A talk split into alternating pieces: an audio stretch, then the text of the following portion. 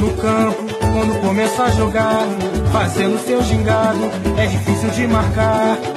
Fita pra ali, fita pra lá, fita pra cá, com a bola nos pés, ninguém consegue. Ele sabe fintar. Fita pra ali, fita pra lá, fita pra cá, com a bola nos pés, ninguém consegue lhe roubar.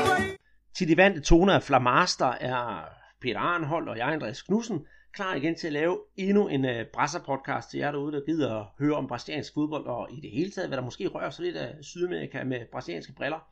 Og uh, vi, det er jo nu snart en uge siden, vi har sendt, og vi burde næsten have lavet en podcast i midtugen, for der er simpelthen sket så meget, og jeg er ikke sikker på, at vi når rundt om alle tingene. Men én ting kan vi sige, det er Copa Libertadores, og det er med kapitaler hele vejen igennem, og et kæmpe udråbstegn, for der er sørme sket ting og sager, kan vi ikke sige det, Peter, både slåskamp og ja, gode resultater, dårlige resultater, der, der har ikke manglet noget i den der sydamerikanske Champions League, som desværre ikke får ret meget opmærksomhed herhjemme.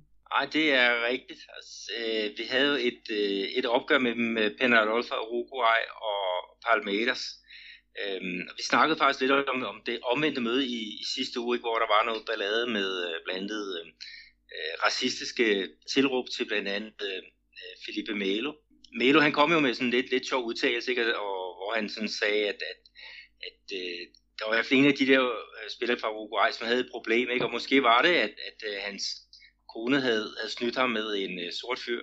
Der var ligesom lagt lidt i kakkeloven til, til returkampen øh, der i, i Montevideo, ikke? og øh, jo, jo, der, der blev sgu gået til den. Altså, det var en fantastisk spændende kamp øh, med store øh, udsving, og så øh, de der scener, som var, var efterfølgende, ikke? Det, var, de var frygtelige. Det var Copa Libertadores, når det var, var, hvad skal vi kalde det, værst. Øh, det var i hvert fald uhyre dramatisk, ikke? Men, men vi har jo også blandt andet, på positiv side, der har vi haft en fremragende kamp med Atletico Paranaense, så, så de top.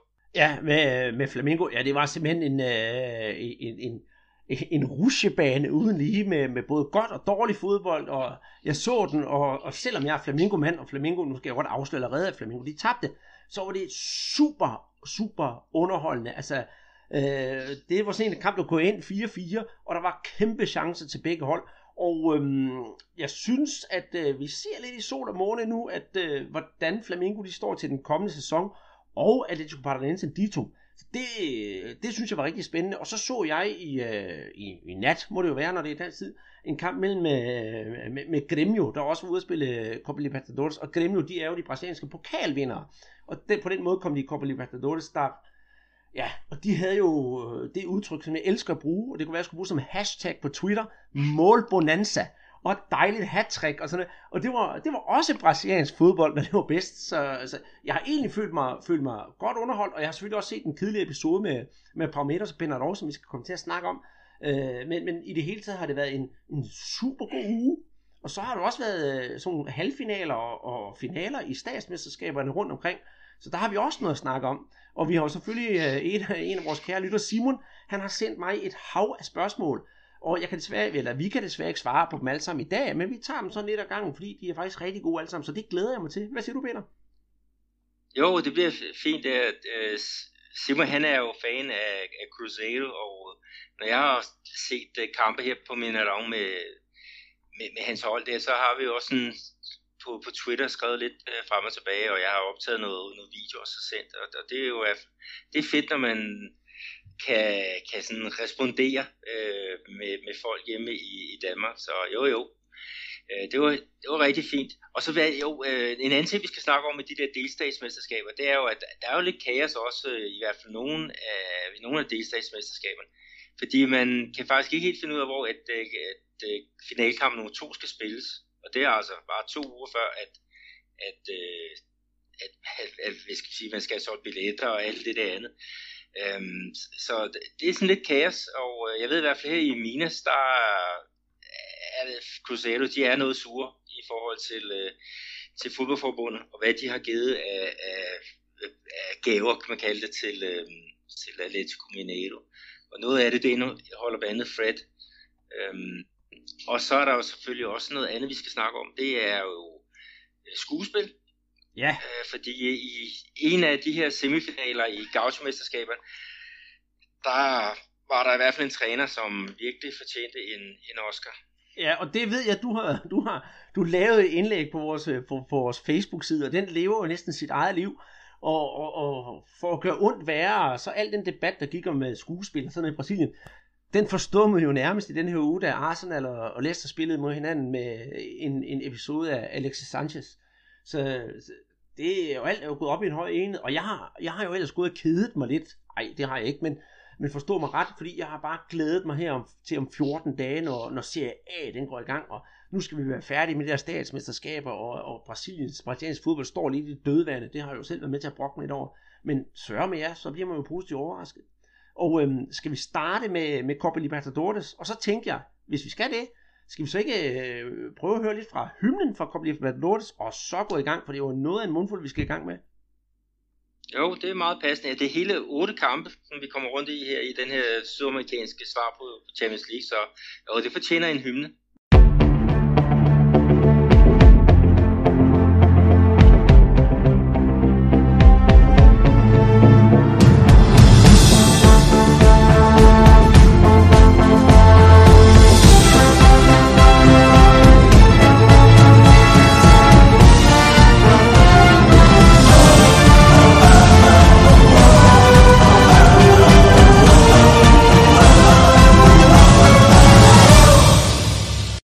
Efter den her pompøse hymne fra Copa Libertadores er vi klar til at komme i gang. Og vi er jo stolte over faktisk på nu en tidspunkt at være det eneste danske medie, der, der skriver, eller i hvert fald snakker om Copa Libertadores.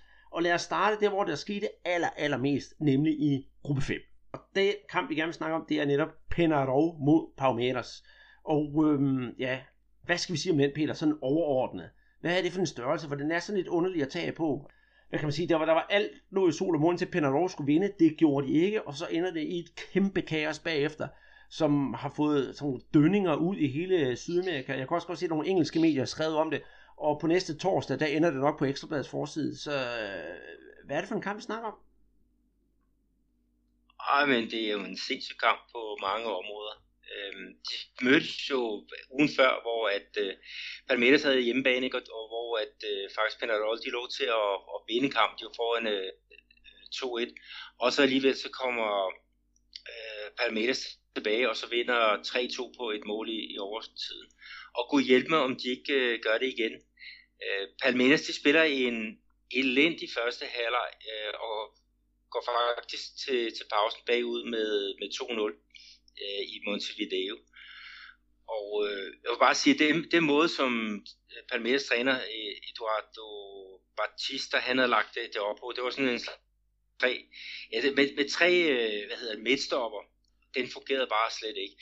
Øh, han fik så heldigvis rettet op på den i, i pausen. Han fik pillet en af stopperne ud. Han fik sat vores, øh, ja, en af vores yndlingsspillere, Cheche, ind.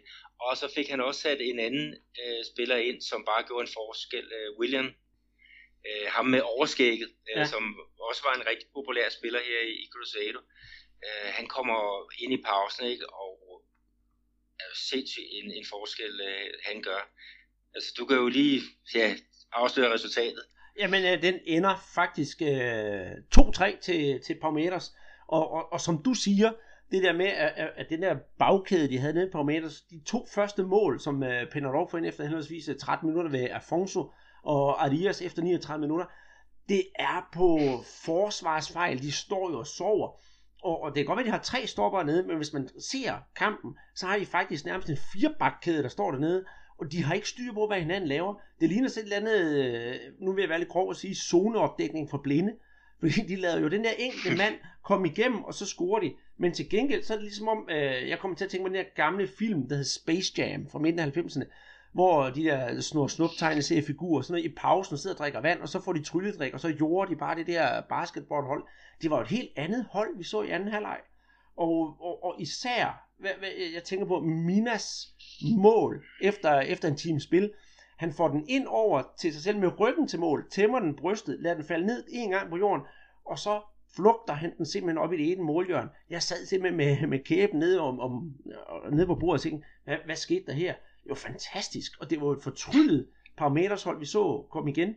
Så, så... Ja, det var, det var William, der, der lavede det mål. Undskyld, det er så det øhm, tredje mål, jeg kommer til at tænke på. Ja, men Jo, det var super, super mål, ikke? og jeg er jo sådan den gamle skole, ikke? jeg kan huske Ulrik Lefebvre, et af de mål, han lavede i Tyskland, hvor han vipper den over, jeg tror det er, er to mand, inden han helt flugter den i, i kassen, ikke? Og, og her, der, det, det var selvfølgelig ikke tre mand, han vippede bolden henover, ikke? men det, han, han, han skaber sig selv den der plads øh, inde i, i det her felt, øh, og, og så lige lader han den bolden hoppe en gang, og så vipper han den over en modstander, og så, som du siger, flugter han den op i det modsatte hjørne.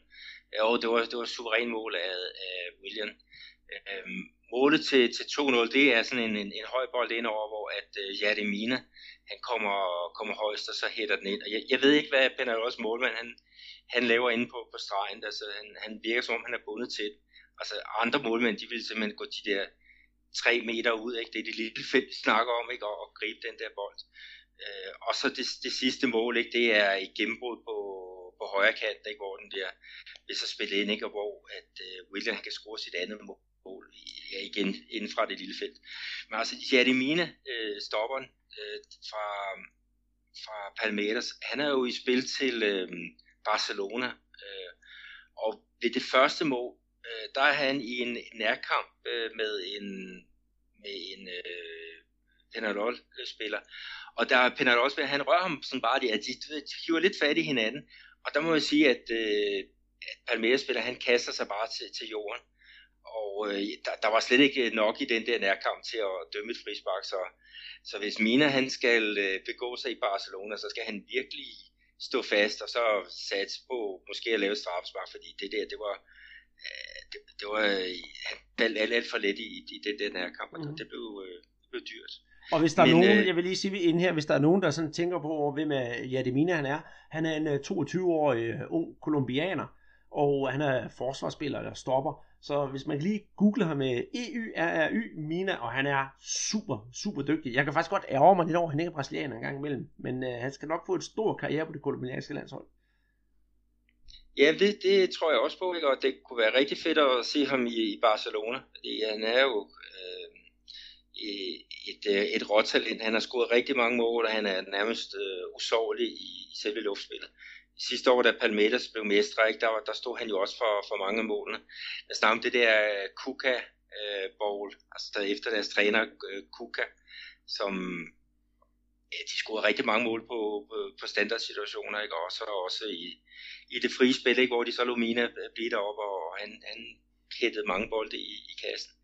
Så Eduardo Batista, han har også, også øh, hvad skal vi sige, spillet lidt kukabold her, ikke? fordi der var altså et, et par mål, ikke, hvor der var nogle høje bolde inde i, i feltet, ikke, og, og der var de stærke øh, Palmeiras. Men, øh, men så kommer vi så lige til, til øh, det kedelige ved den her kamp, ikke? fordi at, at lige da slutfløjtet øh, lød, der skete der ellers øh, ting og sager. Øh, og det var selvfølgelig med øh, Philippe Melo i, i centrum. Det, øh, og det er jo og det er der, hvor Copa Libertadores viser sig på sin, på sin værste måde, fordi Øh, det er en meget intens turnering, og som vi også snakker om med landsholdsfodbold og sådan noget, så de, de, de her hold i, i Sydamerika, de, det kan godt være, at de til daglig har det godt med hinanden, men når de spiller mod hinanden, så hader de hinanden for et godt ord. Og der var jo en meget intens stemning på det der lille stadion i, øh, i Montevideo, der kan være 20.000, og der var jo propfyldt. Og det ender jo så hverken værre eller bedre med, at der er nogle provokationer frem og tilbage på stadion. Og så er, er, er kameraerne jo fokuseret på Felipe Melo, for de ved jo også godt, at han er, han er jo nem at provokere. Så løber han ned ad banen, og så lige pludselig så er han oppe og diskuterer med, hvad hedder det, øh, reserven fra, fra Pinador Meyer, og så klapper han ham faktisk bare på låget, og så løber han videre ned til hjørnefladet, og så bliver han jo bare presset af alle de der Pinador-spillere, og det hele det koger jo op på, på, på en ja, i hvert fald en meget ubehagelig måde for, for Palmeiras-spillerne. Ja, det var, det var ikke kønt. Altså, lige da slutfløjtet løb, øh, lød, der var der en, en kæmpe øh, penalostopper. Jeg kan ikke lige huske øh, hans, hans navn, øh, men han er henne og have fat i halsregionen på, på Melo, og det er som om han vil, vil, vil sige et par kammeratlige øh, ord til ham, ikke? Men, men han klemmer, han klemmer ham altså. Det er sådan nærmest sådan lidt et, et kvælertag. Ja. Og der går altså lige, er det 20 sekunder eller sådan noget der, ikke? Øh, så vil Melo ud af, at, at det der tag, som... som øh, Quintana er det, han hedder, ja. ja. Ja, og, og, og så, så begynder det at, så begynder han at løbe baglæns uh, Melo, og så begynder de andre ligesom at, at, at jagte ham. Ikke? Og, og som vi også uh, snakker om sidste år, ikke? han har jo haft den der udtale med, øh, med, at, øh, at de der Penarol-spillere, de er bare jaloux, fordi at øh, fordi han er en sort fyr, og at øh, deres koner hellere vil have en sort fyr, end, end de vil have sådan en, en, en hvid fyr fra, fra Uruguay. Det er sådan mere eller mindre det, han, han sagde i, efter kampen øh, i, i sidste uge, ikke? Og, og dem vil de simpelthen bare have revanche for. Men der sker jo så også det, at da de når ned ved hjørnefladet, der er der en, øh, en spiller fra Penarol, som faktisk skriver hjørnefladet, og ligesom gør ansat til, at nu vil han altså bruge det her hjørneflag til at og jeg ved ikke, om han vil spide øh, Melo, men, men det, det så altså ikke kønt ud. Øh, det næste trin, det er så, at spillerne prøver at, at komme ud af banen, øh, men, men øh, altså ned i deres omklædningsrum, men, men det bliver forpurret simpelthen. Altså det, af en eller anden grund, så vil, øh, kan de ikke få adgang ned til deres øh, omklædningsrum. Og det, det er ligesom om, det ligger i luften, at, øh, at øh, værterne, de spærer simpelthen den her udgang. Mm. Fordi nu skal de her brasilianere, nu skal de simpelthen bare hen omgang tæsk. Mm. Og det er jo ikke alene, nu siger du omklædningsrum, det er fordi du har set det, og jeg har jo også set det, men de kan i det hele taget ikke få lov til at gå fra banen. Altså ligesom det der, hvor den der spillertunnel, den begynder under stadion, det er der, de ikke kan få lov til at komme ind. Og, og, og, og da spillerne så endelig får lov til at komme ind, det fortsætter så ind under øh, spillertunnelen, der fortsætter den her tumult, så kulminerer det blandt tilskuerne. Så lige pludselig er der en masse Penarol-tilskuere, der stormer hen for at lave ballade med de der forholdsvis få Palmeiras tilhængere, der er så det ender det jo også i en værre, værre gang ballade. Og politi, det er der simpelthen for lidt af. Jeg tror, da jeg sad og så kampen, så kunne jeg til fem betjente på banen, og det er jo interne sikkerhedsfolk, der klarer det hele. Og bagefter, så har de jo udtalt, også i brasilianske medier, sådan helt nøgternt, tror jeg da, at øh, politiopbuddet på stadion, det her er været alt, alt for lille til en kamp, der er så stor, for det er altså det, det er en højrisikokamp det her. Vi, vi snakker netop om, det skulle være Bayern München, Manchester United. Det er det niveau, vi er på i Sydamerika. Øh, så, så jeg synes også, at, at øh, Penardos, kan man sige, det, i det hele taget, hvordan de har taget sig sikkerheden, det har været lidt dårligt. Men hvor man tænker, når, Penner, når Parameters de kommer ind i spillertunnelen, så fortsætter du med at råbe af hinanden, og der er to sikkerhedsfolk, der simpelthen må tage Felipe Melo og føre ham ned til omklædningsrummet, fordi Felipe Melo, han er jo ikke en, der finder sig i hvad som helst, så han, de må jo nærmest skubbe ham. Altså han går med ryggen til omklædningsrummet hele vejen ned igennem og bliver ved med at råbe, bliver ved med at råbe, og så siger han netop til, til ham fodboldspilleren Mayer, som det er uh, Peter Lovs nummer 10, entre noise, entre noise, entre noise, hvor te dar uma porrada, siger han så, og så, altså det svarer til, ikke også, det er imellem os, det er imellem os, jeg skal fandme give dig røv fuld, og skal det være her og nu, men de får selvfølgelig ført ham ind i omklædningsrummet, og det ender med, at uh, lidt håndligt, kan man sige, fra Parmeters øh, spillerne, at øh, de til sidst ryster på hovedet, og så klapper de sig selv ind i, ind i omklædningsrummet. Men jeg tror også, det er lige så meget for at provokere Penalov. Så i det hele taget en, en, en ret trist slutning på en, ja, kan man sige, forholdsvis underholdende fodboldkamp. Fantastisk underholdende øh, fodboldkamp. Men øh, altså sikkerheden, den, den var, den var elendig. Altså, Palmeiras, de har 20 øh, sådan sikkerhedsfolk med til, til den der kamp, og det er altså nogle store drenge, altså på, på 150 kilo, ikke? Og, og de hvad det, bliver klippet det, det samme sted, og samme frisyr. Øh, sådan lidt rockertyper der, ikke? Men, men de gjorde et fantastisk godt arbejde. Altså, de fik skærmet spillerne af, og de fik, øh, de fik øh, sørget for, at der kom nogenlunde ro på, uden selv at de gav sig ud i, i slagsmål. Og, og når vi snakker om det der med at give, give sig ud i, i, i slagsmål, ikke, så har vi altså nogle ledere fra blandt andet Penarol, som, som begynder at, at jagte øh, palmetterspillere. Vi har sågar øh, mediefolk, som også øh, skal, skal have fat i nogle af de her brasilianere, fordi de skal have nogen på, på lovet. Altså, jeg synes virkelig, at, at øh, Penarol, de fortjener en, en kæmpe straf på, på det her, og øh, øh, Palmeiras, altså, øh, de skal da også straffes for, for det. Altså Melo, øh, hans rolle, øh, man kan sige, at han har måske ikke været så elegant med det, øh, med det han har sagt. Altså han har været med til at fremprovokere nogle ting. Han har mm, øh, lavet sådan Muhammad Ali punches, sådan to af dem ikke mod, øh, mod Maja. Han skal altså også øh, øh, køle lidt af, øh, og, og ja, for, for min skyld må vi godt sige farvel til Melo resten af, af, af den her turnering. Men, men der er i hvert fald tre af de der Penarol-spillere, som, som, som burde have karantæne i et, et års tid eller to. Og så for min skyld, så kan man godt tage Penarol ud af, af den der turnering, fordi jeg synes ikke, det er, er værdigt, det som øh, de laver. Ikke? Og det er jo en, en kæmpe, kæmpe klub. det, det, de skal det, rende rundt og, og lave det der, det er jo, det er jo simpelthen en, en skandale. Ja, jeg giver dig 100% ret, Peter. Og så synes jeg også, det, det er lidt rystende, at netop en af dem, der er med til at lave de skandaler, det er en reservespiller, der sidder på bænken. Altså ham der Meyer. Og så synes jeg nemlig også, som, som du siger, at nogen skulle have en, en straf, og det skulle ham der Quintana også have. Og grunden til, at jeg ved, at han hedder Quintana, jeg kendte ham ikke i forvejen, men jeg blev bare mærke hans navn, fordi han har samme navn som den kendte cykelrytter. Så, så meget er jeg ikke inde i Penadol, det skal jeg være ærlig indrømme. Men øh, efter kampen til, til det efterfølgende pressemøde, der kom Trapattoni jo næsten på banen. Ja, Palmeiras øh, træner Eduardo Baptista, han gik nærmest amok ved, øh, ved den efterfølgende møde med, med pressen. Altså det var, det var ligesom, jeg husker det der, øh, jeg ved Bullybold, de, de også bruger det til deres øh, podcast, ikke der, men en træner is nicht ein idiot. Altså en træner er ikke en, en idiot. Og, og, og det som han øh, skældte ud over, det var, var pressen, eller nogle journalister, som havde øh, arbejdet lidt med det rygte, at, øh, at i kampen mod Ponte Preta, i den der øh, semifinal, der var i, i Copa, hvad hedder det, mesterskab i São Paulo, at, øh, at det faktisk ikke var Baptista, som havde bestemt, øh, hvem der skulle starte ind, men det var derimod den sportslige direktør øh, Martos. Og, øh, og, og det forklarer han simpelthen, at det er, det, det er noget, noget, noget løgn, og han, øh, han slår i bordet tre-fire gange ikke, og siger, at øh, jeg er fandme en mand, og jeg er ikke en, der, der lader mig, lad mig bøje øh, at, at nogle andre hvad hedder det, interesser. Øh, og, og det han så fortæller, det var så William, som jo kom ind og lavede de der to mål, at grunden til, at han ikke startede inde øh, i den der kamp mod øh, Ponte Preta, det var simpelthen, at han ikke havde trænet i den der uge, så derfor øh, så valgte han så en, en anden spiller, ikke? og det var der, at, at øh, hvad skal vi sige, at øh, journalisterne begyndte at lave et spin på det, og det blev han, øh, det var han rigtig, rigtig sur over. Så øhm, jo, vi fik set øh, Eduardo Baptista slå i bordet og, og skælde ud, og det, det var et eller andet sted også lidt befriende. Mm, ja, det, det synes jeg da bestemt også.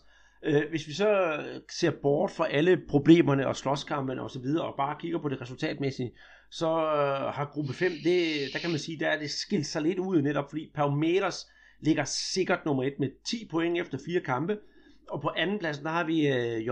Vlistermann. Er det ikke den klub, der er opkaldt efter en pilot, så vidt jeg husker? Det er rigtigt. ja, og øh, så har vi på tredjepladsen Atletico Tucumán, og på Jumbo-pladsen og fjerdepladsen, kun med tre point, altså hele syv point op til, til Parmeters, der har vi jo traditionsklubben Penarov. Og det kan måske også godt være derfor, at øh, de gik sådan amok, har været foran, og så tabe det, som man i, i, i Brasilien kalder uh, virada, altså en venner øh, at, at det har fået sindene i EK, fordi som en traditionsklub, der skal man jo ikke ligge og rode rundt og nærmest allerede nu være ude. Og det er det ikke helt, men altså chancerne for, jo, for arrangement i, i Copa Libertadores, de bliver mindre og mindre for, for Penarol. Ja, det var sidste udkald for, for klubben fra Uruguay. Men, men øh, den her nye struktur, man har lavet i, i år, ikke? Altså, du har fire hold i en, øh, en pulje, og så de to går videre til, øh, til knockout-fasen. Men nummer tre, de går altså videre til øh, Copa Sudamericana, som jo er øh, det sydamerikanske svar på Europa League. Så Penarol har stadigvæk noget at, at, at spille for, men øh, ja, altså to kampe igen, ikke? Og, og tre punkter op til, til andenpladsen, det bliver svært for, for Penarol. Så ikke de skal satse på, på en tredjeplads. Og det, det, det tror jeg også. Øh, skal vi øh, forlade gruppe 5 og så gå videre til en anden sprængfarlig gruppe, som det synes jeg i hvert fald, og det er gruppe 4, hvor vi havde to brasilianske hold, der mødte hinanden, og hvor alt bare er åbent i gruppen. Ja, det er rigtigt. Lad os tage den. Ja, for det var jo hverken værre eller bedre, at øh, jeg tror faktisk, det var samtidig med Palmeiras spil, der spillede øh, Flamengo og Atletico Paranense i, øh, på Atletico Paranenses kunststof hjemmebane. Og øh, hvad, hvad, hvad jeg havde forventet, der skulle blive sådan lidt, lidt, lidt tam affære, blev en særdeles underholdende kamp, hvor Atletico Paranaense de trak det længste strå øh, og, og, og, og vandt 2-1 over, over Flamengo. Og jeg lader mig sige det på den måde. Jeg læste jo medierne bagefter, og alle, de, alle Rio-medierne, altså, de hånede bare Flamengo. Men jeg synes faktisk ikke, de spillede dårligt. Der var øh, to stolpechancer, og en Guerrero, der manglede at spise noget sigtebrød. Han kunne godt være lidt skarpere, og en Atletico Paranaense, der faktisk var rigtig, rigtig gode. Så det ender, hele ender med, at Atletico Paranaense de kommer foran med, med, med 2-0, og det sidste 2-0 mål, det er 8 efter 88 minutter. Og så får William Arau øh, reduceret efter 90 minutter, og så prøver Flamingo med hat, kat og regnfrakke at få det der ene point. Og, og ja, jeg er jo Flamingo mand, det har jeg aldrig lagt skjult på, men hold op, hvor var jeg bare underholdt. Der var chancer i begge ender, og ja, halvdårligt forsvarsspil også i begge ender, og ja, man må sige, at øh, Atletico Paranaenses første mål, det var ganske udmærket, men det var lidt et målmandsdrop hos øh, Flamingos målmand. Men lad det nu ligge. De kunne begge to have vundet den kamp, og, og med resultatet 2-1 til Atletico Paranaense er det gruppen jo helt åben, og især var det en fordel for begge hold for, for Brasilien, fordi de er et lille skridt foran de to andre, og det ser ud til, at de begge to bare kan, med en enkelt sejr, det ved jeg, hvis Flamengo vinder på hjemmebane, så er de sikret kvalifikation at det er jo sådan set det, vi kan kalde øh, dødens øh, pulje, den her. Øh, mm. Men vi snakker lige om, om øh, målene. Jamen, det, altså målet, som, som øh, Atletico Paranaense kommer foran på, det er jo simpelthen et øh, hovedstødsmål af Thiago Ileno, som han stiger til værs, så, så hætter han mod det, det lange hjørne. Men den har altså en, en øh, hvad skal jeg kalde en, en fin bue på, og øh, Palm, hedder det, Flamingos øh, målmand. Alex Moralla. Ja, han, han kommer lidt skidt op til, til den, altså den, slipper, den rører i hvert fald ind. Og øh, Eduardo, som, som er nysignet i Atletico Paranaense, han følger den altså også godt til, til dørs. Og Eduardo, det var en, som, som blandt andet spillede i, i Arsenal. Øh, han har, er det, er det kroatiske pas? Ja, han har, jeg tror, han har dobbelt, det. Men, men dobbelt, det er i hvert fald en dobbelt statsborgerskab, både kroatisk og brasiliansk, og, øh, og, og i og med Eduardo, han, han var så, kan man sige, øh, kampafgørende for, for den her kamp, det gjorde jo ekstra ondt på Flamengo, fordi for er det halvanden sæson siden, sæson 2015, der spillede han jo for Flamengo, og var for Flamengo, hvad, øh, hvad, hvad Guerrero han er nu. Så når sådan en eks-spiller får lov til at, at, at gøre sådan nogle ting, så gør det jo ekstra rundt, og det er jo nok derfor, at både fans og medier, de er ude med riven efter Flamengo, men jeg synes faktisk ikke, at Flamengo de spillede så dårligt. Altså, og lad mig sige det heller på den måde, at, at begge to spillede godt. De manglede bare det der sidste 10% for at få den til at gå ind, og Flamengo de scorede jo også et, øh, et offside-mål, så ja, alt var åbent. Ja, det er Andro Damian, altså ja. OL-topscoren fra, fra London, han kommer jo også ind og har to kæmpe chancer. Så der var altså, der, der lå luret point til Flamengo i, i den der kamp, og det kunne også godt have været, været tre point. Men, men altså, de kommer jo så bagud øh, 2-0, og det er så Felipe Jedos, der, der scorer det. Og øh, dem, der, der så øh, FC København mod FC Brygge her i det Europa League her for nogle øh, et års tid tilbage, eller to år tilbage, de vil måske huske ham, sådan en krølhåret fyr der, men han er i hvert fald nu færdig i, i Klub Brygge, og nu spiller han øh, en rigtig øh, fin øh, øh, kamp for, for Atletico Paranaense. Han var tidligere øh, starter, og nu er han så lidt, lidt på sådan en indskiftningsbænk efter en, en skade, med.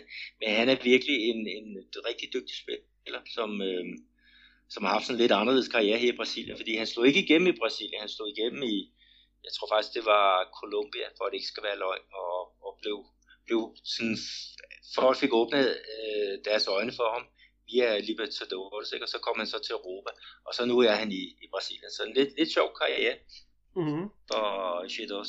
Nu, nu har jeg jo set kampen sådan lidt, lidt, lidt farvede briller, og også følt mig underholdt, men sådan for at kigge lidt fremad i, i krystalkuglen, øh, vi har jo haft vores statsturneringer, men nu har vi for første gang sådan for alvor set, hvordan to brasilianske hold de spiller mod hinanden, når de mødes. Tror du, den her kamp, det viser sådan lidt om øh, den styrke, de to hold har frem mod øh, Serie A, som begynder her om tre uger? Ah, jeg forventer både Atletico Paranaense og Flamengo, de kommer til at ligge i den, den øh, bedste halvdel af Serie A. Øh, det, det synes jeg, det, det tyder på. Flamengo, de er godt nok uden øh, Diego lige i øjeblikket, men han, han burde være klar her om, om 14 dages tid, og Atletico Paranaense, de har et rigtig godt hold. Altså deres målmand Wilverton, som, som øh, han var målmand, da, da Brasilien vandt OL-guld. Øh, en rigtig, rigtig dygtig spiller. De har jo en masse rutinerede uh, folk, og, som, de kan, som de kan bruge i, i en kamp. Altså, øhm, nu er det Eduardo, som, som startede på, på toppen her, ikke? men det kunne lige så godt have været Graffiti, ikke? Som, som er de der er 38 år. Ja. Han var så på, på bænken. Men, men jeg synes, de har noget at skyde med. Mm. Øhm, Furocão, altså orkanen fra Curitiba. Jamen, de har jo altså, deres, øh, en af deres øh, forwards, også nummer 11, Nikon, Han har også været sådan en, en lidt en, en skyggespiller, kan man sige, man ikke har ikke lagt mærke til. Men han har altid præsteret for, for ja, Fudakavn, som man kalder ham. Det er, hvad skal vi kalde dem, violvinden eller orkanen øh, som, ja. som, er deres, som er deres kælenavn. Og samtidig, så hvis jeg skal kigge på den anden side, selvfølgelig, vi snakker altid om øh, Paulo Guerrero, Leandro Damian, dem op foran for Flamingo, men altså, vi har jo Homolo på, på, på midtbanen, og så har vi den der lille barske terrier øh, nede i bagkæden, Para, Altså, han holder jo aldrig op, og han er jo bare bisk hver gang, der, der sker noget, og han gjorde os også rigtig, rigtig godt i den her kamp. Ja, altså de, de har rigtig mange øh, spændende spillere. Furocão, altså orkanen fra Curitiba. Det har de, de har også en, jeg vil sammenligne den lidt med, øh, sgu ikke Nordsjælland øh, måske, det, det er meget nærliggende i forhold til det med, øh, med kunstgræs. Men de har også en filosofi om, at de skal have så mange af deres egne spillere øh, op i, øh, i førsteholdstruppen, ikke? og det er jo også det, som, som øh, de har gang i i, øh, i farven. Så jeg synes, jeg synes at Atletico Paranaense, de, det kunne godt være en af de få sunde brasilianske klubber, som, øh, som vi har hernede. Ja, og, og, og skal vi, hvis vi skal dreje en dansk krølle til Atletico Paranaense, så øh, vores gode ven øh, Vinicius, der spiller i Vejle, i Vejle han er jo øh, faktisk Atletico Paranaense-fan, og ja, han har jo faktisk også spillet for deres juniorafdeling, så hvis, hvis man kender ham, så tror jeg godt, man kan få lidt at vide om Atletico Paranaense, fordi han keeper i hvert fald med ja, fladet fra Furacão. Mm. Stillingen, skal vi tage den, Andreas, ja, inden vi går videre? Jamen, øh, det synes jeg da bestemt, undskyld, det synes jeg da bestemt, vi skal. Altså, gruppe 4, den føres PT af Atletico Paranaense, altså selvfølgelig efter fire kampe. De har 7 point. Efter det, der kommer Flamengo på andenpladsen med 6 point. Union Católica på tredjepladsen med 5 point, og San Lorenzo med, gæt hvor mange point? 4. Lige præcis, det er 4, 5, 6, 7. Så hvis nu at de to brasilianske klubber, de bare henter, ja, som sagt, en, en uafgjort eller en sejr i, i deres næste kamp, så er de jo nærmest sikret. Hvis vi kigger videre ned i grupperne, og der ender vi jo på i den, eller ender den sidste gruppe, som er gruppe 8. Og jeg har kun én ting at sige, og jeg ved, du trækker på smilebåndet hver gang jeg bruger det ord, det er nemlig målbonanza. Og jeg skal nok lægge det op med hashtag det hele, målbonanza. Fordi Gremio, de havde den fornøjelse at møde Guarani på hjemmebane. Og øhm, resultatet af kampen, det blev 4-1, men det var da Gremio, der scorede alle mål. Ja, det var det. Og det var faktisk også øh, en af dine, dine gamle flamingo-drenge, som puttede den i, i eget net, nemlig øh, Leo Morter. Men vi skal lige sådan tage med, at, at siden vi havde den sidste podcast, så har øh, de faktisk mødtes øh, to øh, gange, og øh, i sidste uge, der spillede de jo i Paraguay, uh, Asunción, og uh, det var der, at Federico Santander, det var der, at, at han uh, holdt til, inden han kom til FC København, så lige at, at få det med for, for FCK uh, tilhænger. Men den ender simpelthen 1-1, og der laver Klemme jo lige det stunt, de stiller med faktisk deres øh, B-kæde øh, i, i den match, og det er jo fordi, de ville bruge kode på, på en uh, semifinale i deres eget delstatsmesterskab, og det er jo sådan lidt øh, sjov prioritering men øh, lad det nu ligge. Men, men øh, i returkampen, der stillede de med, øh, med A-kæden, og, øh, og det gik jo forrygende. Øh, Lucas Barrios, øh, en angriber, som er født i Argentina, men øh, er landsspiller for Paraguay, han brillerede simpelthen med et, øh, et hat-trick. Og øh, så det, det sidste mål, som, øh, som Grêmio laver der på, på hjemmebanen, det er sat ind af stopperen Pedro Giromel, som, som spiller hjørnespark ind. Så er det ellers det at sige, at Luan, han øh, brænder et straf øh, kort før pausen. Og øh, så også sige, at Guarani, det er sådan lidt op ad bakke, øh, fordi de helt anden halvleg spiller de med en mand i, i undertal ja, efter en, ja. en, sådan en, en klassiske episode, ikke, hvor der er at, at en spiller, der ja, spiller, der griber fat om en anden, og så svinger ham, øh, spilleren, der er foran, han spiller så en albu bagud og rammer rammer modstanderen, altså det var så en kremespiller i, i, i hovedet, ikke? og så han, han røg helt fortjent ud. Mm. Så, men uh, 4-1, det var jo det var en flot, uh, flot kamp, sikkert, sikkert og en stor sejr, og ja. de er jo næsten sikre på avancement til, til knockout-fasen nu her, uh, mm. Gremio. Jamen det var ufatteligt underholdende, altså det, det var det, Øh, Gremio kan til tider godt spille lidt kedelig fodbold, men det gjorde de da bestemt ikke her i, i, ja, i nat var det jo. Og, og, og, og det jeg, det jeg så, at jeg så et, øh, jeg var ikke op i nat, men jeg så et øh, længere highlight på tre kvarter, så jeg kan næsten sige, at jeg set kampen, at, at, at der var fuld fart over feltet, og, og vores gode ven, uh, Renato Gaúcho, han stod jo som sædvanligt ude på sidelinjen og råbte og skreg, og ja, var en ægte Renato Gaúcho. Og så kan man sige, de havde jo chancen for at, at gøre det så godt, så godt, og vi snakkede om, at Leo Motor, han lavede selvmål. Ja, det gjorde han. Han kunne ikke rigtig gøre for det. Bolden kommer ind, og han bliver presset bagfra, den rammer ham på brystet, og så ryger den i kassen. Alt i alt, for at sige det med lidt banord, pisse underholdende. Men øhm, det betyder jo så, at Gremio, de fører deres gruppe 8 med 10 point, foran Guadalajara med 7 point, og så har vi Desportes Sportes Icajique med 6 point, og så har vi Zamora, som øh, på jumbopladsen kun med nederlag med 0 point. Så skal vi ikke bare sige, at Gremio, de er videre de er videre, hvis de får et point i den øh, næste øh, kamp. Altså, der er jo to runder igen, og i den næste runde, der spiller de ud mod de, uh, Deporte Iquique, tror jeg det hedder.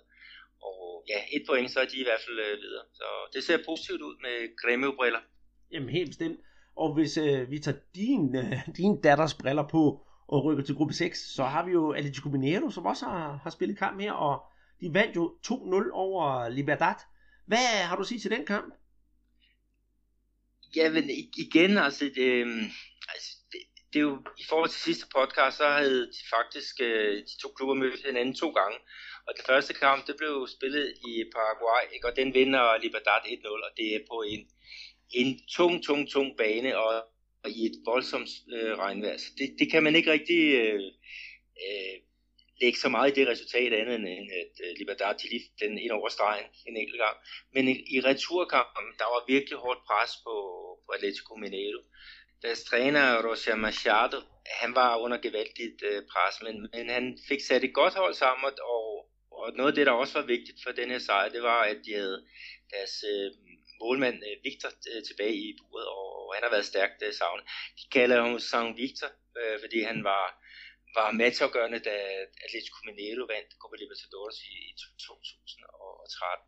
Men altså, det var en meget, meget tæt kamp med meget øh, stærke markeringer, og øh, hjemmehold, de var faktisk øh, i første halvleg øh, tættest på, på scoringer ved dødbolde.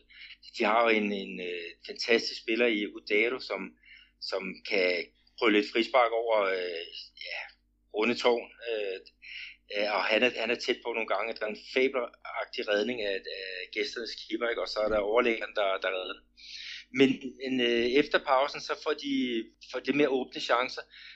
Øh, Michael Swell, øh, dribleren på, på højre side, som også blev kaldt Omargo, da han var i, i øh, Botafogo, altså Magikeren. Han, han, han øh, er med i et opspil, hvor han bruger Fred, farlig Fred som en bande, og så kommer Rubinho fri til en afslutning, og, og vores lille driblekonge, han er altså sikker i sin, sin afslutning. Og øh, øh, 200 før tid, og Casares øh, indskiftningsspiller, han putter sig ind til, til 200, så, så det var en rigtig vigtig sejr for, for Atletico, øh, ja. med tanke på stillingen i, i den her pulje. Øh, og, og så også gav den god moral op til, til øh, den her finale, som de skal til her på, på søndag. Vi spiller om øh, Mineiro-mesterskabet mod ærkerivalerne fra, fra Cruzeiro. Mm. Men øh, skal, vi gå, skal vi gå gruppen igennem, sådan lige for, for at runde gruppe 6 af? Ja, lad os tage, tage stilling. Ja, på... altså, det er jo Godoy Cruz, som, som fører med, med 10 point for fire kampe, og så ligger Atletico Mineiro med øh, 7 point. Dart, de ligger altså med 4, og så ligger Sport Boys, de ligger på sidste pladsen med, med et point. Så det var i hvert fald vigtigt, at øh, Atletico de fik, fik øh, skabt den her tre points føring til, til nummer 3, øh, Libertad. Men altså to kampe igen, og øh, Atletico de spiller næste runde mod uh, Sport Boys, nummer, nummer sidst i, i puljen, ikke? Og, og hvis de vinder den, så ser det jo rigtig, rigtig for øh, uh, loven ud. Ja, det, jeg, jeg er også sikker på, at de skal nok få blive kvalificeret. Uh, nu har vi jo så rundet de der hold af, der har spillet her i, ja, i denne her uge, men der, vi mangler et hold, og det er det eneste, hvor vi kan sige, det er knap så festligt. Og det er vores uh, Kelle Dækker fra Chapecoense, der med deres sammensatte hold efter ja, flyulykken, jeg tror ikke, vi behøver at gå nærmere ind på det, også er med i uh, Copa Libertadores. De lagde jo ud i turneringen her med, med en sejr mod, uh, mod Sulja, men derefter så er altså gået ned ad bakke, altså et nederlag til Lanus, og så en uafgjort mod Klub National, og så skulle de igen møde Klub National på, på, ja, på, på udebane. Og det endte jo med et øh, uh, 3-0 nederlag til Club Nacional og to røde kort til Chapecoense. Der er ikke så meget at sige til det. Uh, hvis jeg skal føre noget til det, skal jeg sige, at øh, uh, Tulio De Melo, den tidligere OB, han kom på banen efter, jeg tror det var efter en times tid, men uh, ja, lidt synd, at uh, de skal lide de der nederlag, måske 1-0, eller um, ja, jeg synes, de fortjener lidt bedre, men uh, de er nok ikke bedre. Ej, de, altså, det er jo et helt uh, rekonstrueret hold, og uh, der må være de her udsvinger. De skal jo spille sindssygt mange kampe. Jeg tror, det var i, i løbet af, af 31 dage, så skulle de spille, var det 10 kampe i uh, seks forskellige turneringer. Det er jo voldsomt. Og, og så bred er deres uh, trupper altså heller ikke. Uh, så uh, vi må krydse fingre for, at de kan, kan overleve, og hvis de kan få en, en tredjeplads i den her pulje og komme med i Copa Sudamericana her fra, jeg tror det er fra august måned, så er det, så er det rigtig, rigtig flot for, for Chapecoense. Så skal de ellers bare satse på at, at holde sig oppe i, i CA øh, her i den her sæson. Altså det må være, være målsætningen for, for holdet fra Chapeco. Ja, det, det må vi sige. Og for at runde Copa Libertadores af for den her gang, så skal vi måske også lige nævne, at uh, Santos, de spillede i sidste uge en kedelig 0-0 mod uh, Santa Fe, det er der ikke så meget at nævne over. Og så havde vi også Botafogo, der spillede 1-1 mod uh, SC Barcelona uden Messi. Ja.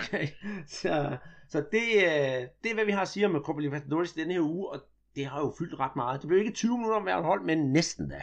Efter den her super intense, synes vi selv, uh, dækning af Copa Libertadores, så er det tid til at kigge på uh, en mere letbenet turnering. Det, det kan vi roligt indrømme, nemlig statsturneringen i Brasilien.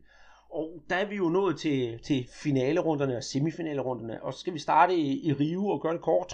Ja, lad os gøre det. Altså, det, det startede ud øh, lørdag med en kamp mellem Fluminense og Vasco da Gama, og det blev en sikker sejr til, til Fluminense øh, på, på 3-0. Og det, der er jo ikke så meget at sige om den kamp andet, end at det var klart det, det bedste hold. Øh, Helt præcis. Og Vasco så... blev selvfølgelig lidt... Øh, lidt øh, præget af, at de stillingen 2-0 for en øh, mand vist ud, Douglas, 20 landsholdsspilleren, men, men der var løbet allerede kørt, så at de får puttet ind, ind til, til 3-0, det, det, er bare, ja, det var, det var bare lidt, lidt mindre pænt at kigge på, men, men mm, helt, helt lige præcis, og så, og så kan vi jo sige, at endnu en gang, så var det Hicharlison, der fik lov til at lyne for Fluminense. Derudover blev kampen på et rødt kort til, til Vasco, så ja, er det ikke hvad der siger om det, Peter? Så den øh, anden kamp, det var jo også en, en spændende en med, med øh, Flamengo og Botafogo. Den blev meget mere jævnbyrdig. Ja, det kan man sige. Øh, der klarede Guerrero, hvad han ikke klarede Copa Libertadores. Han scorede et mål efter 50 minutter, og så scorede han efter 66 minutter på, på straffespark. Og endnu et straffespark i, i sidste øjeblik til Botafogo, der reducerer sig til, til 2-1. Det var sådan en okay jævnbyrdig kamp, og det var så det, fordi vi skal ikke fordybe os meget der, for det var bare en gentagelse af sidste uge og forrige uge, det hele efterhånden. Men vi kan jo nu se frem til en finale mellem Flamengo og Fluminense. Og hvis jeg skal sige noget positivt det her, og det vil jeg da selvfølgelig, det er, det er da den bedste finale, vi kunne tænke os. Er det ikke det? De mødtes jo i den allerførste øh, finale her i, i den her øh, lidt komplicerede øh, turneringsform, og det blev jo et brag af en kamp. Altså den endte 3-3, og så endte med, med straffespark, hvor at, øh, at Fluminense de trak det længste strå. Øh, så jo jo, der bliver, der bliver fuld hus. Jamen det håber jeg, og de spiller jo uh, to kampe ude og hjemme, og det vil altså sige, at de spiller udebane på Maracanã, og så spiller de også hjemmebane på Maracanã. Så det skal nok blive, det skal nok blive rigtig festligt. Og øhm, jeg kom på et tidspunkt til at kalde dig for Peter Paulista, så skal vi ikke tage en kig på São Paulo-turneringen, selvom du ikke bor i São Paulo? Jo, Øh, lad os gøre det. Altså, fordi der havde vi jo to semifinaler, og i den første, øh, det var mellem Palmeiras og favoritterne mod øh, Ponte Preta. Og der havde Ponte Preta jo ja, første kamp med, med 3-0. Så spørgsmålet det var, om Palmeiras de kunne indhente det på, på hjemmebane på, foran, øh, øh, foran øh, fyldte tribuner. Øh, men det, det lykkedes ikke. Altså Palmeiras vandt godt nok 1-0 på mål af Felipe Melo. og har vi jo snakket lidt om i, i dag. Så Ponte Preta, de er noget gået til finalen med en samlet sejr på, på 3-1. Og øh, man må sige, at, at, øh, de har gjort det godt på Ponte Preta. Altså de slog øh, Santos ud i, i kvartfinalen, ikke? og så nu her favoritterne fra, fra Palmeiras. Her i, i semifinalen. Og der, der er faktisk mange, der siger, at, at i forhold til dem, som de skal møde, så kunne det godt ende med, at Ponte Preta får deres første titel nogensinde i, øh, ja, altså i de der, hvad skal vi kalde det, elitære turneringer. De har vundet noget CB og sådan lidt ja. andet. Men de har sådan aldrig rigtig vundet noget stort, og São Paulo-mesterskab, det er trods alt øh, på en, en af de højere hylder. Mm. Så det bliver spændende at, at, at følge dem, og, og hvem skal de møde i finalen? De, de skal jo møde uh, selveste Corinthians, men, men jeg vil lige knytte en kommentar til, uh, til den her Ponte Preta Palmeiras, fordi vi har jo lagt et billede op på vores uh, Facebook, jeg tror også, vi lagde det op på Twitter, med, med gorillaen, der spiser bananer, grønne bananer fra, fra Palmeiras. Og det falder jo meget godt i tråd med, at vi sidste uge snakkede om maskotten for Ponte Preta, der var en abe, og klubben bliver kaldt for Macaca at det var øh, til tider en lille abe, og nogle gange voksede den op til at være en gorilla. Og der fik vi jo ret, og det kan vi jo for en gang skyld øh, klappe os selv lidt på skulderen, fordi nogle gange så gætter vi også give valg i forkert. Men for at vende tilbage til det andet finalehold, øh, Corinthians, de havde jo så også den fornøjelse, kan man sige, at møde São Paulo i semifinalen, og den første kamp, São Paulo Corinthians, den endte med en 2-0 sejr til Corinthians, og den anden kamp her, den endte med 1-1. Og øh, meget forudsigeligt kan man måske sige, fordi Corinthians de spiller det der lidt kyniske fodbold og lidt triste fodbold, og netop altid uafgjort eller med vinde med et enkelt eller to mål. Og især fordi jeg har sagt, at jamen, San Paulo de går i finalen, fordi de spiller en ja, lidt mere skæv og, og med lidt underlige resultat, altså resultater til, til følge, så havde jeg fortjent, jeg synes jeg, de fortjente at vinde, for det var lidt mere charmerende fodbold. Men skal vi ikke bare konkludere, at Corinthians var den rigtige vinder af den, øh, de to semifinaler?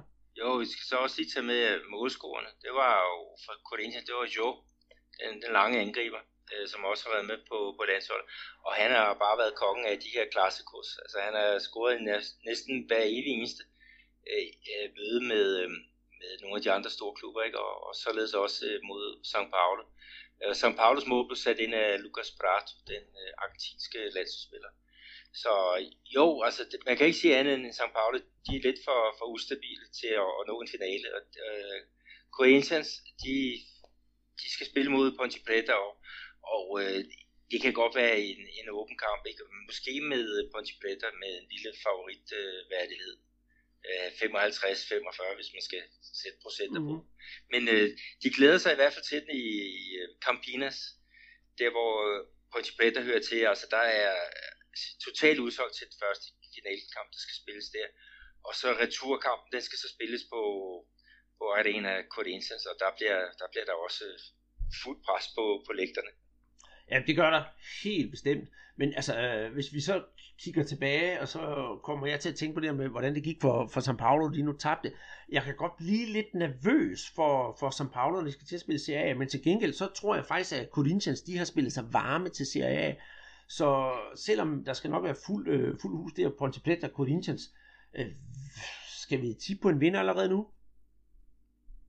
Jamen altså, jeg tippe, tippe. Altså jeg, øh, jeg håber, Ponte de, de vinder øh, den her øh, turnering. Fordi det er, de har været forrygende øh, øh, gode i, i turneringen, og de har et, et trækløv op foran med, øh, med øh, Luca og Clayson, og så um, William Potker, som er turnering, eller turneringstopscore med, med 9 mål. Øh, og han skal jo så videre til International her fra um, ja, i maj måned, og, og øhm, det bliver også lidt spændende at se, hvad, øhm, hvad der sker med Clayton, fordi ham har Corinthians faktisk fanger fanget ham ud efter, ikke? Så, så CA for, for Ponte Preta, det kan jo egentlig godt blive lidt, lidt svært, hvis de mister deres nøglespillere, ikke? selvom de, de har leveret en rigtig fin turnering her i starten af året det må vi jo vente og se. Ja, det er rigtigt. Og ved du hvad, jeg glæder mig til også, det er med, med slutningen af den her turnering og finalen på Preta Corinthians, det er, hvordan vores ven øh, Mario Chagas med de her karikaturtegninger, som netop tegnede gorillaen, der spiste bananen, hvordan han vil tegne gorillaen, der skal, ja, skal han tæske den der, hvordan er det Corinthians maskot der, det er sådan en ridder, en eller anden musketer. Ja, musketer. Ja, det bliver spændende. Nå, men øh, spøj til side. Nu skal vi hjem til dig, Peter. Fordi det er måske der, hvor det er, mm, ja, bortset fra Rio måske, men det mest spændende. Ja, fordi øh, finalen, det bliver jo det her uh, Mineiro Classico mellem uh, Atletico Mineiro og så Cruzeiro. Atletico, de kom videre til finalen ved at vinde returkamp over URIT med, med 3-0. Mm. Og det var på mål af Rafael Moura, og i første halvleg så scorede Rubinho, og så Otero med den fremragende sparkteknik, han fik, kom også på, på tavlen. Og igen, øhm, det så, så mere fornuftigt ud, end hvad det har gjort længe for, for Atletico. Øhm, der var så lige det øh, skidt, at øh, Fred han er ude med, med karantæne. Han fik fire dages karantæne for en albu i hovedet i, på en, en Cruzeiro-forsvar her tidligere på, på året.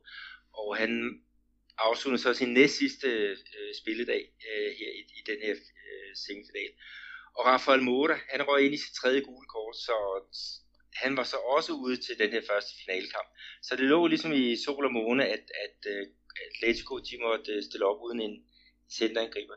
Men de har faktisk øh, fået lidt hjælp fra, fra fodboldforbundet i, i Minas Gerais, fordi de har givet dispensation, altså de har, har givet øh, Fred en rabat, således at han kun får tre spillere i karantæne, så de kan stille op med Fred i, i finalen. Og det tilskuermæssigt øh, selvfølgelig rigtig godt, men øh, Cruzado de er selvfølgelig rasende over, over det her, ikke? Og, og øh, Atletico, som blev kaldt for Hanen, altså der, der er nogen, der mener, at øh, de har nogle rigtig gode venner i fodboldforbundet. Og det markerer Cruzeiro-sagen nogle gange, så strøger de sådan noget, øh, sådan noget majskorn ud foran øh, øh fodboldforbundet større, ikke? Ligesom for foder til, til, den her, til den her hane, ikke? Og, og det vil de højst sandsynligt også gøre her i, igen. Øhm, og de skal jo så møde øh, Cruzeiro, som jeg fik øh, fortalt, og de kom til, til slutkampen ved at vinde øh, 2-0 over Amerika, og det var på to mål af De Artes Carrieta, Øh, 23-årig øh, midtbanespiller fra Uruguay. Og der har været det Simon, øh, som vi snakkede om, som er stor Cruzeiro, han har faktisk spurgt om, om det Arrascata, han bliver den næste store øh, signing til en europæisk klub, og øh, den tror jeg på. Øhm, han har været lidt svingende i, i sin tid i Cruzeiro, men han har bare nogle spidskompetencer, de der spil på de små områder. Øh, han kan afslutte på både med højre og venstre benet. Han har, han har blik for mm. den, den afgørende aflevering. Han skal bare blive lidt mere dynamisk. Øh, så jeg, jeg tror, han ryger til øh, Europa for en, en stor pose penge. Og så må vi se, om han kan, kan hvad skal jeg sige, tillære sig en lidt mere dynamisk øh, spillestil. Jamen, det, og, og ved du hvad, jeg er fuldstændig enig med dig.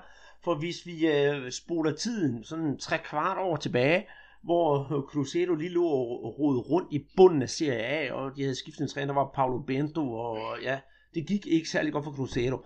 Øh, hver gang der var et lyspunkt, så var det netop af Arrascaeta, og han gjorde netop forskellen på det hold, og han er med til at, jamen altså, åh, jeg, jeg er ked af at sige det, Simon, men hvis vi piller Arrascaeta ud, fordi han skal til Europa, så mister Cruzeiro en kapacitet og rang, for jeg kan rigtig godt lide ham. Og jeg kan huske, at han øh, et par gange sidste år i det øh, kendte brasilianske tv-show, der hedder Show da Vida, det gamle, der hedder Fantastico, som sendes hver søndag aften, der blev øh, Arrascaeta faktisk så kåret som øh, rundens bedste flere gange, og han blev rost til skyerne, og de der raids, han laver op ad banen, altså, øh, han er virkelig underholdende at se på, så jeg kommer sgu til at savne ham, hvis han, øh, han ryger til Europa, hvilket han højst sandsynligt gør. Ja, det er, det, han kommer til at blive manglet, det, det er helt sikkert. Og så må vi se, hvor mange penge de, de skal have for ham, fordi han som, som sagt en, en dyr herre. Men, men øh, Simon, han har også spurgt du med hensyn til finalen. Altså, øh, vi har jo Atletico, som spiller Copa Libertadores, og vi har hvad det, Cruzeiro, som også har nogle, nogle vigtige kampe, dels i pokalen, men også i Copa Sudamericana. Og vil de give, give fuld skrald? Øhm, og øh, der har jeg snakket lidt med nogle fans fra hver side, og, og, øh, og de siger ja, men altså, spillerne er selvfølgelig trætte efter et, et hårdt program, men de vil give alt for at, at vinde den her turnering, og, og der er ikke nogen, der, der tror, at der vil blive sparet nogle, nogle spillere øh, til, til den her finale, eller til de her to øh, finaler. Øh, så der, der bliver fuld musik på det, og som de siger i sådan en klassiko, det må godt koste lidt, øh, lidt blod og lidt, lidt sved. Jamen. Øh, så, så det er i hvert fald positivt. Øhm, så er der en anden ting med hensyn til kampene. Øh, fordi den første kamp, den skal spilles på øh, Cruzeiros hjemmebane, Mineirão. Og der er det således, at 90% af tilskuerkapaciteten det går til hjemmeholdsfans, og 10% går til udholdsfans. Og det er helt fint, fordi det er et øh, VM-stadion, så der er, der skulle sikkerheden være i orden. Men den modsatte kamp, der skal spille på det lidt mindre stadion, Independencia. Og øh, den der 90-10% fordeling, den øh, bliver nok ikke til noget, fordi at øh, politiet de siger, at vi kan simpelthen ikke garantere for Cruzeiro-fansenes øh, sikkerhed. Så sådan som det ligger her nu, så ender det faktisk med, at returkamp, det bliver kun for Atletico-fans. Og det er jo et eller andet sted også en, en sportslig øh, forvridning. Så, så hvis den går igennem, så skal Cruzeiro-fans igen ud foran øh, fodboldforbundet, øh, og sikkert også øh, politimyndighederne her i Belo Horizonte, og, og strø lidt flere majskorn mm. til, til alle de her Galo-fans. Mm. Og, og, og lige netop det her, det er en stor debat, der kører i Brasilien for øjeblikket. Og det, er, øh, det, det går under navnet Torcida Unica, det vil altså sige uh, kun én slags tilskuer. Og man har snakket om det i Rio, og nu snakker man selvfølgelig også om det i, øh, i, i Minas. Og, og man prøver på at sige, hvis vi gør det, så opdæmmer vi balladen og sådan noget. Men det tror jeg simpelthen ikke på. Og det ødelægger sgu da også, kan man sige, sporten netop, jeg synes også, jeg mener, vi har snakket om det før, at, at hvis du spiller på, på en fodboldbane, hvor der kun er dit eget publikum, jamen altså, så kan man jo sige, det er jo det er ikke alene hjemmebanefordel, det er ekstra hjemmebanefordel. Og hvis så udebane for at holde score, så kommer det jo bare en eller anden kæmpe modvind, og hvor skal man gå hen og juble, og sådan, jamen altså, ej, det, jeg synes bare personligt, det ikke er nogen god idé. Altså, der skal sgu være tilskuer fra begge hold, og der skal være gejst på stadion, og altså det kan godt være, der kun er 10% eller 5% af, af modstandernes tilskuere, men der mangler sgu et eller andet, når, når, når, når modstanderen ikke har nogen. Altså, man kan jo ikke svine hinanden til, forstå mig ret, det er på den positive måde, jeg snakker. Altså, vi skal have sang, og vi skal have ballader, vi skal have fest, og det skal gå begge veje mellem de to tilskuere. Også øh, så, så holdet har noget, ved, at de har nogle supporter, der, der bakker dem op. Ja, det er også, altså jeg kan ikke forstå, hvordan at en øh, politimyndighed ikke kan beskytte noget, der hedder 2.500 øh, fans fra, fra Cruzeiro. Altså, det kan godt være, at det ligger i sådan lidt, øh, sådan lidt tæt øh, byområde. Øh, så det vil sige, at der er mange øh, hvad hedder det, smutveje ind og ud, ikke? hvor at øh, Minarão, det ligger jo sådan på sådan en meget mere åben plads, i hvert fald tilgangen til, til stater. Men altså, det, det må sgu kunne lade sig gøre at, at beskytte de der øh, tilskuere. Så øh, jeg håber, at, at, øh, at, at de får lavet en ordning. Jeg ved, at Cruzeiro de har i hvert fald protesteret over, at, at det lader til, at det kun bliver Atletico-fans, der kan komme med i returen. Og, og hvis der skulle ske et eller andet, så skulle man så gøre det, man rykkede også returkampen til, til Minerong. Øh, men, men altså, jeg, jeg kan godt se en idé, og, og, at man spiller på sin rigtige hjemmebane. Det, det giver også lidt mere, ja, lidt mere kulør over kampen, synes jeg. Mm, helt, helt bestemt. Øh, hvis vi skal vende tilbage til at snakke lidt om, øh, om, om Cruzeiro, fordi Simon han har stillet, som sagt, et hav spørgsmål. Øh, han stiller også et, et rigtig godt spørgsmål med hensyn til Cruzeiros opstilling. Og der er det nemlig sådan, at øh, den sædvanlige målmand for Cruzeiro, Fabio, han er til tider kommet sådan lidt ud i skyggen i forhold til øh, reservemålmanden, og jeg kan ikke lige huske, hvad han hedder, Peter. Du må lige hjælpe mig en gang her. Rafael. Lige præcis. Øh, tror du, at, at, at Fabios stilling som første men den er i fare? Øh, personligt tror jeg det ikke. Men øh, lad os da tage snakken. Ja, men altså, øh, der skete det med, med Fabio, at øh, han blev korsbåndsskadet øh, sidste år. Og så han har jo været længe ude, og øh, Rafael, sådan en yngre øh, anmål, han har jo så fået chancen, og han har gjort det rigtig godt. Øh, Raf, øh, Fabio er så kommet tilbage igen, ikke? og han skal jo så øh, sige, kæmpe sig tilbage i, i trøje nummer et, ikke? og, og, og det, det skal han nok også komme på et andet tidspunkt. Altså han er en, en klublegende, øh, så jeg tror vi får, ja, måske det sidste år vi får ham at se her i, i Cruzeiro, altså det kunne jeg godt forestille mig. Øh, øh, og, og det bliver så også i, i trøje nummer, nummer et øh, Rafaels tid, det skal nok øh, komme. Men øh, han er jo han er jo en kæmpe fan, øh, hvad hedder det, han er en kæmpe fanskar, han har spillet flest kampe af alle for, for Cruzeiro. Da der var VM i Brasilien i 2014, der var faktisk rigtig mange, også Atletico Mineiro-fans, som mente, at det burde have været Fabio, som, som stod på det brasilianske landshold, altså som første målmand. Det var så Julio Cesar i stedet for. Øhm, så han har jo en, en kæmpe kæmpe credit her i, i klubben. Og vi kan måske sammenligne det lidt med Fernando Praz i, øh, i øh, Palmeiras, ja, jeg skulle lige... som også blev skadet sidste år. Ja. Så ja, det kan du køre til ende så. Jamen det var det, jeg skulle lige til at sige det samme. Ikke også? Han blev jo skadet og, og, og var også ind over landsholdet og alt det der. Og, og man kunne måske tænke, åh, stakkels Fernando Praz, som jeg kan ikke engang huske gammel, han er 38.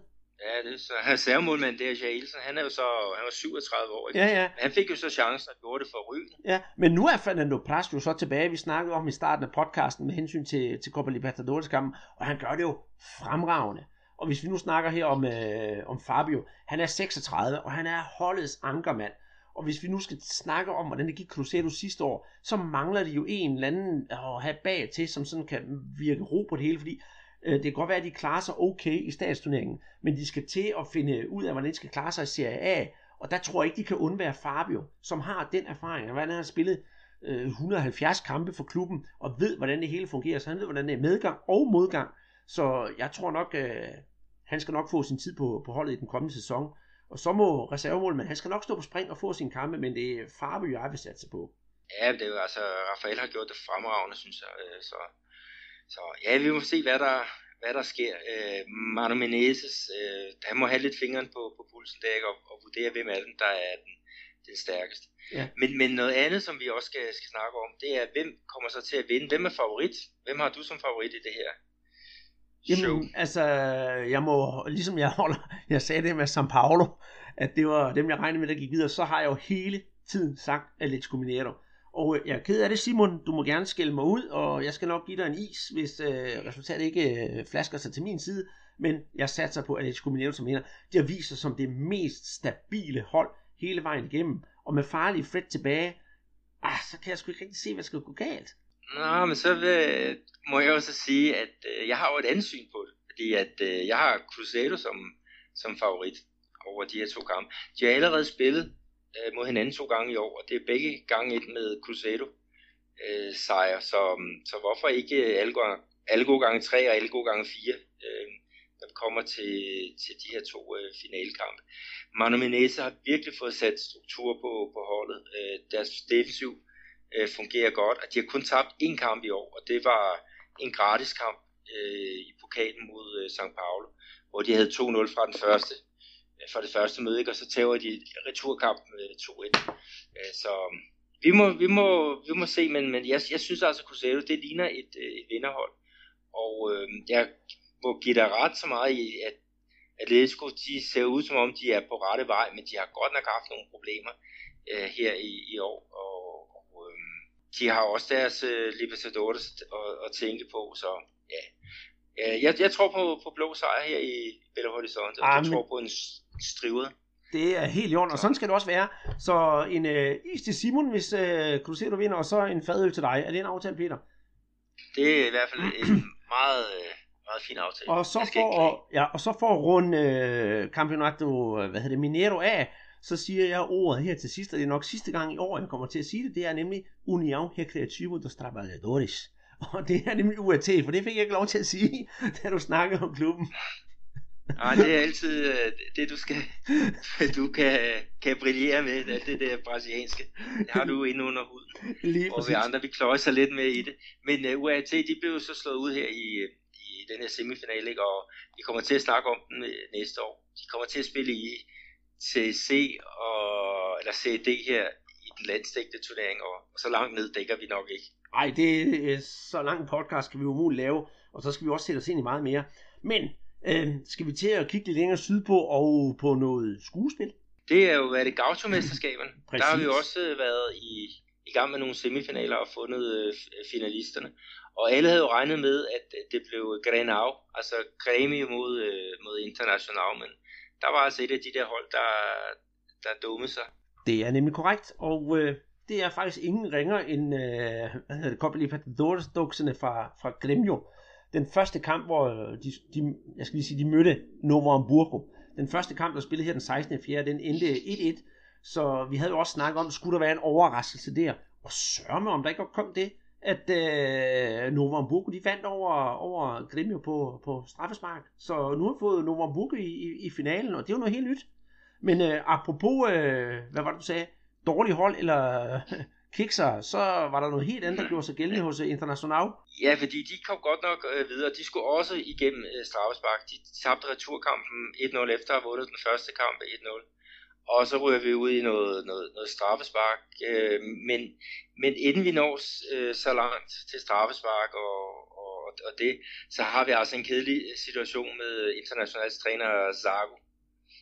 Ja, det er det nemlig. Og øh, du havde jo øh, skrevet noget på vores Facebook-side om, om, om hvad skal vi sige, øh, øh klovneri. Vi husker jo alle sammen fra, fra VM, hvor en tyrker, det var Brasilien-Tyrkiet, hvor der er en tyrker, der skyder en bold op på knæet af Rivaldo, og han er nærmest ved at dø.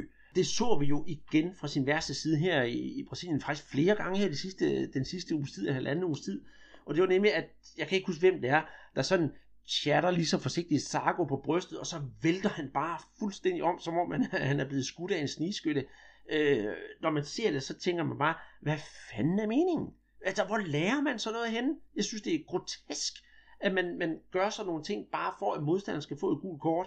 Især øh, hvis man nu tænker på, hvordan det er nu om stunder. Der er jo 45 kameraer, der bliver filmet overalt, så man kan jo ikke slippe fra det. Måske lige i øjeblikket, men bagefter. Og det er jo også det, det i forhold til Rivaldo. Altså når folk snakker om det, det fantastiske fodboldspiller og hans karriere, ikke, så det skuespil, han lavede ved, ved den der VM-slutrunde i, i 2002, ikke, det er jo simpelthen øh, kæmpe øjebæg på, på den der karriere. Ikke? Og det gør jo også, at mange de, de disser ham som, som øh, en af de bedste spillere nogensinde, ja, brasilianske spillere.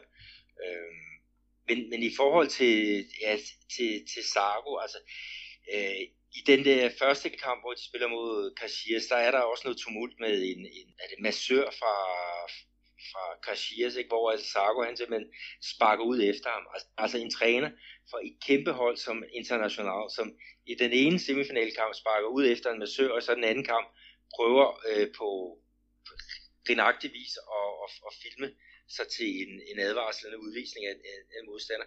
Altså jeg tænker bare på, hvad fanden sker der i, i, øh, i international, og jeg håber, at de tager, tager fat i ham. Altså, øh, fodboldforbundet i, øh, i Rio Grande do Sul, altså de skal i hvert fald kigge på sagen, og han kan i hvert fald godt forvente en bøde og sikkert til en gang, gang skuespil. Eller så en øh, gang øh, karantæne måske. Men altså, jeg har lyst til at komme ud med riven efter international. Altså dels det her for, for nylig, og så også sidste år, øhm, hvor der også var nogle uheldige episoder. Vi har der, hvor de kæmper mod at undgå nedrykning. Øh, vi, den sidste spillerunde i Serie A er blevet udskudt på grund af det her fly, øh, flytragedie øh, med Chapecoense. Og så går deres klubpræsident så sandelig ud og så siger, at vi vil ikke have den her øh, hvad hedder, sidste runde udsat, øh, fordi at vi har vores egen tragedie at kæmpe med. Altså det her med at forberede sig til at kunne undgå den der nedrykning. Jeg siger, hvad fanden bilder han sig ind? Og så derefter så går man ud og prøver at, at flytte nedrykning over på, på skuldrene af, af Victoria, ved at man ja. siger, at de har brugt en ulovlig spiller. Og, og der undersøgelser viser, at der er nok noget, altså nogle andre ting, som man har brugt for at, at, at få bevist, at, øh, at øh, Victoria de har, havde gjort det i nælderne, og dermed skulle fratrække sådan nogle point. Han siger, jeg har den klub, som, ja, de blev verdensmester, var det 2006 for, for hvad det klubhold. Har de overhovedet ikke nogen stolthed, eller hvad, hvad, hvad sker der egentlig?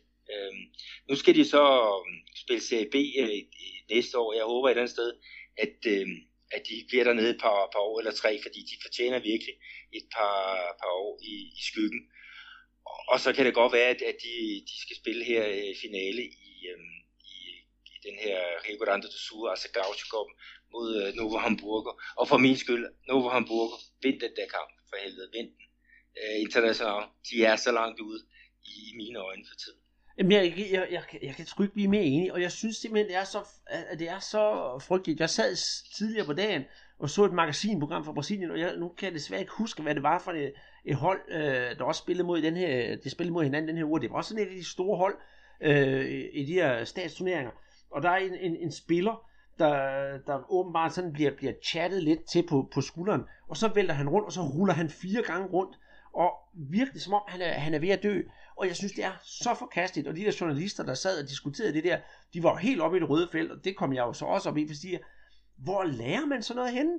Altså, jeg tænker på gamle dage i engelsk fodbold. Der, jeg hvor tror man faktisk, det var Jerry Mina fra um, Palmeiras, der, der lavede det der skuespil. Øh, der var også nogle andre episoder af det, ikke? Men det er så i spillerne, ikke? Men i løbet af den sidste måned, så har vi haft nu en træner, vi har haft en bolddreng, der laver skuespil, og vi har sågar haft en dommer.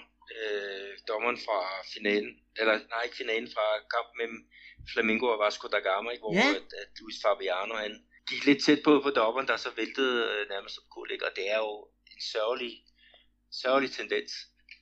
Ja, ja præcis, og, og vi vil jo gerne fortælle alt og alt det gode fra Brasilien, kan man sige, og, og netop derfor, vi holder jo af fodbolden dernede, men jeg synes mange gange, så vores podcast, det bliver overskygget af, af negative ting, ikke også? Nu har vi den her podcast, hvor vi har masse dejlig fodbold, men sørger med jer, om vi ikke skal diskutere længere tid om, om Paumeters og kæmpe ballade på stadions, og, og så nu her skal vi til at snakke om, om, om skuespil, både hos dommer og den ene og den anden. Jeg synes, det er så synd, og det ødelægger jo fodbolden fuldstændig vanvittigt.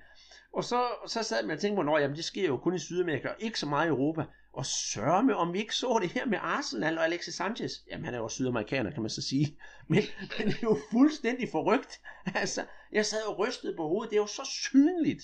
Og så skammeligt. Ja, og så har, du en, et, så har du en træner i Arsene Wenger, ikke, som går ind og tager ham, øh, tager ham i forsvar. Ikke? Og det var fedt at høre, at, at øh, OB's træner Ken Nielsen, uh, han i forbindelse med, med deres topscore, som også fik en, en advarsel på grund af, at man kan sige, at, at det skal vi bare ikke acceptere i, i vores uh, klub. Og hvor er det uh, dejligt at høre en, en træner med sådan en, en indstilling. Altså, men, men også i forhold til det, vi snakker om det med, med finalerne, der, der nu kommer, ikke? at der er nogle steder, hvor vi ikke ved, hvor at kamp nummer to skal, skal spilles. Og det har vi jo også her i, i det her gaucho-mesterskab. Uh, International, de har jo deres uh, flotte, flotte uh, arena. Ja. Uh, som også blev brugt ved, ved VM. Ikke? Og så har vi Novo Hamburgo, som har et stadion med, med plads til, til 6.000 øh, tilskuere. Og det her stadion, det har bare været klar til alle, alle kampene i den her turnering. Nu er de så til finalen, og så skal det lige pludselig være et stadion med plads til 10.000 tilskuere. Så nu har vi den her lille klub, som i løbet af 14 dage skal fremskaffe øh, 4.000 ekstra øh, hvad hedder, tilskuerpladser. Ikke? Og det må du kun gøre ved, ved hjælp af, af mobile øh, tribuner, ikke? og det skal godkendes af brandmyndigheder, og jeg skal komme efter dig. Og jeg synes bare, det, det er så hammerende synd, hvis, hvis øh, Novo Hamburgo, de ikke får lov til at spille den her kamp på, på hjemmebane. Det er returkamp. Novo Hamburgo, de vandt øh, grundspillet, så de har fordel af at slutte øh, det hele af på, på hjemmebane. Men, men hvis det ikke bliver godkendt, jamen så skal de jo finde en anden arena, ikke? Og hvor finder de det? Jamen, det gør de jo 50 km væk, øh, det er vel det nærmeste, øh, der kommer, ikke? og det er på, øh, hvad hedder det, byen Porto Alegre. Og så kan de måske lege sig ind i Kremius, Kremius øh, hjemmebane, som kan tage 60.000. Øh, og, og er der nogen hjemmebanefordel i det? Nej, det er der ikke. Øhm, Novo Hamburgo, de, de har haft til, i det her grundspil, der har de haft omkring 2.000 tilskuere til deres møde mod Kremius i grundspillet, og så tror jeg, de havde 2.500 til den her øh, fantastiske semifinal, som de vinder på, på straffespark. Altså 2.500. Og så siger man nu i finalen, nu skal de lige pludselig lave et, øh, plads til, til øh, 4.000 mere. Jeg synes ikke, øh, jeg synes ikke det, det er fair. Og der kan du snakke sikkerhed, og du kan snakke det ene og det andet. Men, men jeg synes, sportsligt set, så er det bare ikke øh, fair. Hvis stadion er godkendt fra dag 1, så burde det også kunne køre hele vejen øh, til en finale. Lige... Øh, og så nu, nu når vi snakker om det, øh, så Atletico, eller så Chapecoense, da de skulle spille finale i Copa Sudamericana sidste år, der blev deres øh, Arena Condá, der blev ikke godkendt til denne finale, så de skulle faktisk spille finale i Curitiba. Øh, nu var det således, at flyet faldt ned, så der blev slet ikke nogen finale.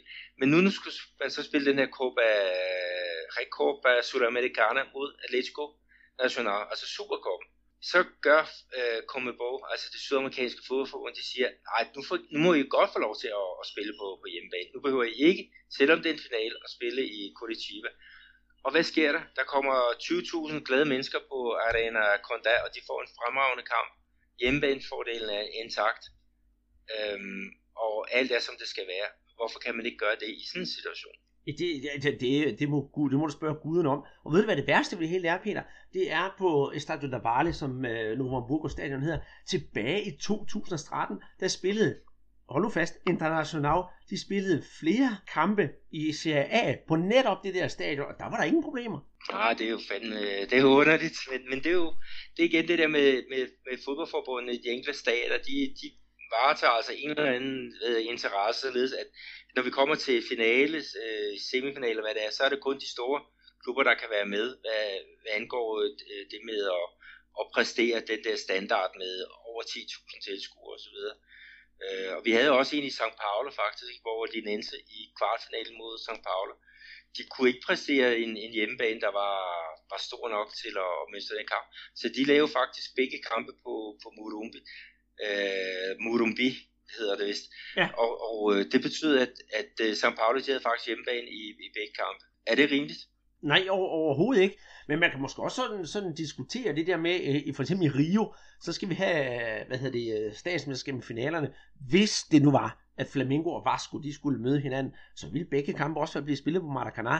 Men ville det ikke, selvom det er en million byer, der kommer rigtig mange, have været sjovere og mere spændende, hvis den ene kamp blev spillet på San Januario, hvor der kan være de der 16-18.000 mennesker. Jeg, jeg, jeg synes, det er et af de mest åh, have, hvad skal jeg sige, øh, charmerende stadions. Nu er der lige kommet en bog, der hedder Europas Arena. Hvis jeg skulle lave en, der hedder Sydamerikas Arena, så udover Maracanã og sådan stadion, så vil jeg faktisk have San Januario med, for det er sådan en hyggelig lille stadion.